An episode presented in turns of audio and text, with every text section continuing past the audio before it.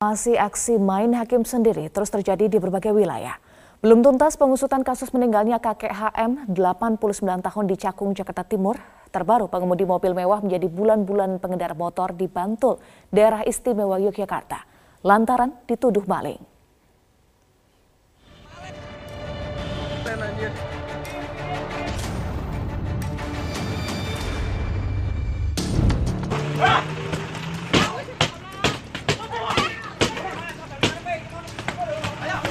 Perusakan dan sejumlah teriakan provokasi kepada pengendara mobil jenis Mercy terjadi di kawasan Taman Tirto, Kasihan, Bantul, Yogyakarta, Kamis 27 Januari 2022 lalu.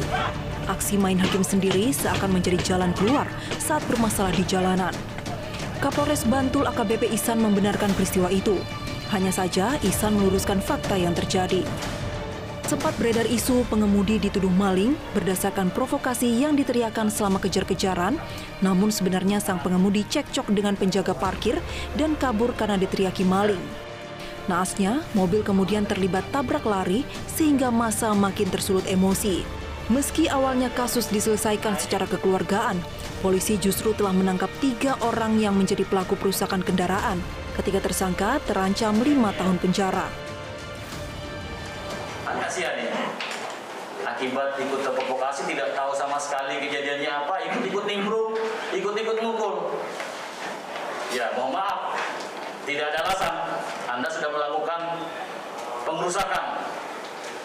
Sehingga tetap kami jerat dengan persangkaan 170 dan kami akan tahan. Ini ini ketiga pelaku yang sementara kami amankan dan kami akan mengejar pelaku-pelaku lain. Aksi main hakim sendiri sebelumnya terjadi di Cakung, Jakarta Timur Minggu 23 Januari 2022. Pengemudi kakek berusia 89 tahun Wianto Halim harus meregang nyawa dikeroyok dan kendaraan dirusak hanya karena dituduh maling oleh pengendara motor. Padahal awalnya mobil korban hanya menyerempet salah satu motor di kawasan Cipinang Muara. Mirisnya, mobil polisi ikut mengejar dan memberikan tembakan peringatan.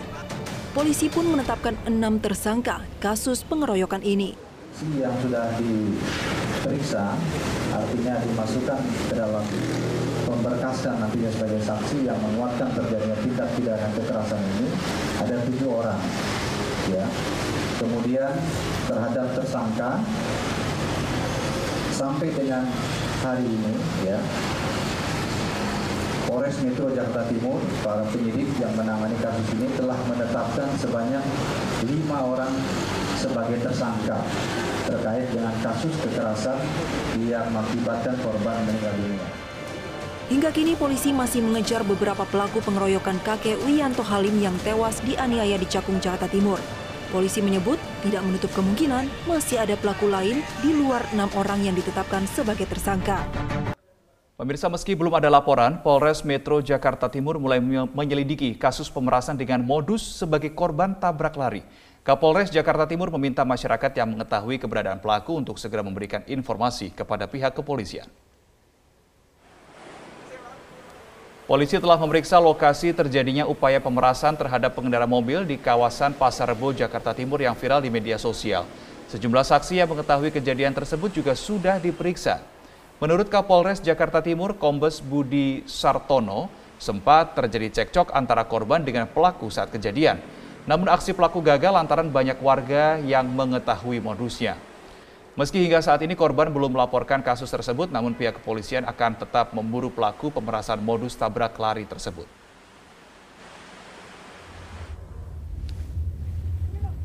Sebelumnya, detik-detik aksi pelaku mengejar mobil yang akan menjadi sasaran pemerasan viral di media sosial. Beruntung, aksi ini tidak mendapatkan respon dari warga sekitar yang justru menyebutkan bahwa pelaku berbohong.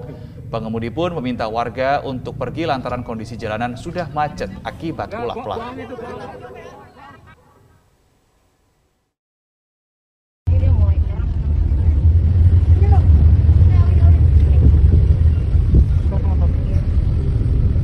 Lari. Aduh, tadi lari. Tadi lari, sekarang begitu. Enggak, bo bohong itu bohong. Ini sementara pelaku masih kita lakukan pencarian. Eh, semua tempat lagi kita cari gabungan tim gabungan. Eh, untuk tersangkanya masih kita lakukan pencarian dan bagi masyarakat yang mengetahui silahkan memberi karena fotonya sudah jelas jika ada informasi terhadap pelaku tersebut bisa menginformasikan ke Polres Metro Jakarta Timur atau Polsek seluruh wilayah Jakarta Timur identitas identitas akan kita rahasiakan dan akan kita berikan reward. Setelah mangkir di pemanggilan pertama sebagai saksi pemeriksaan di Bareskrim Mabes Polri pada kasus ujaran kebencian, penyidik pun langsung mengirimkan surat pemanggilan kedua sekaligus perintah jemput paksa Edi Mulyadi. Namun kuasa hukum Edi memastikan kliennya akan datang karena telah sesuai dengan prosedur KUHAP.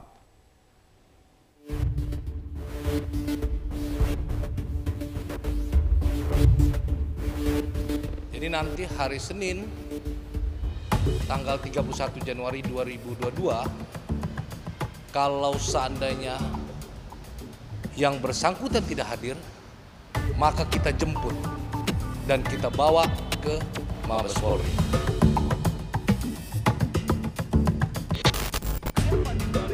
Edi Mulyadi terancam dijemput paksa oleh polisi jika kembali mangkir di panggilan pemeriksaan kedua atas kasus dugaan ujaran kebencian.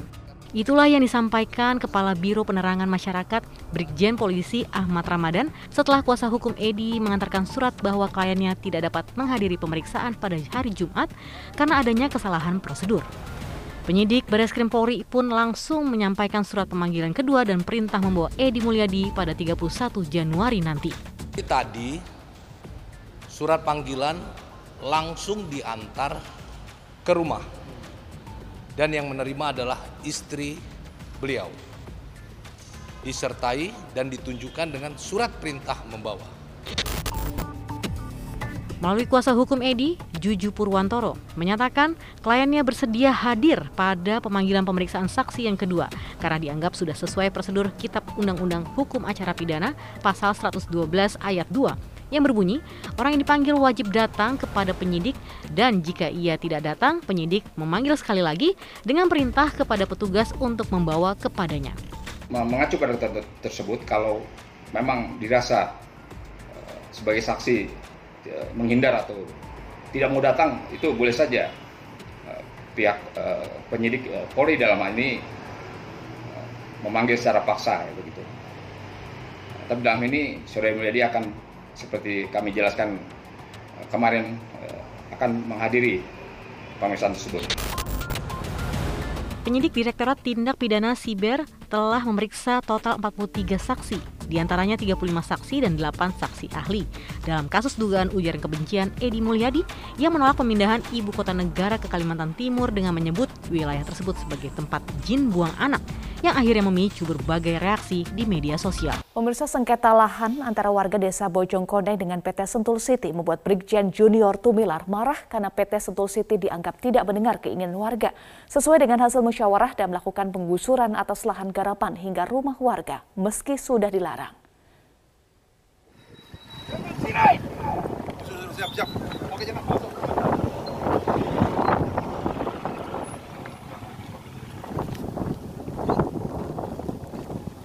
punya pasukan brigade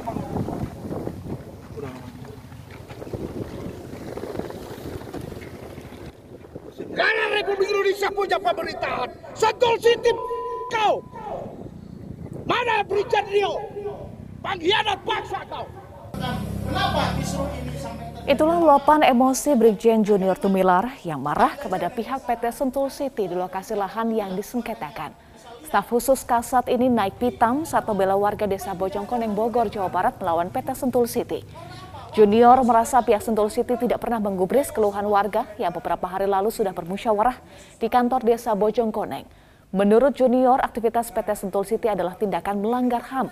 Hingga saat ini belum ada penjelasan dari pihak PT Sentul City atas aksi Jenderal Bintang 1 ini.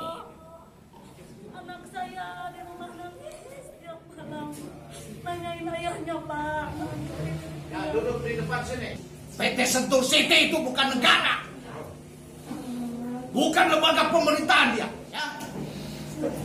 PT Sentul City itu bukan negara. Bukan lembaga pemerintahan dia.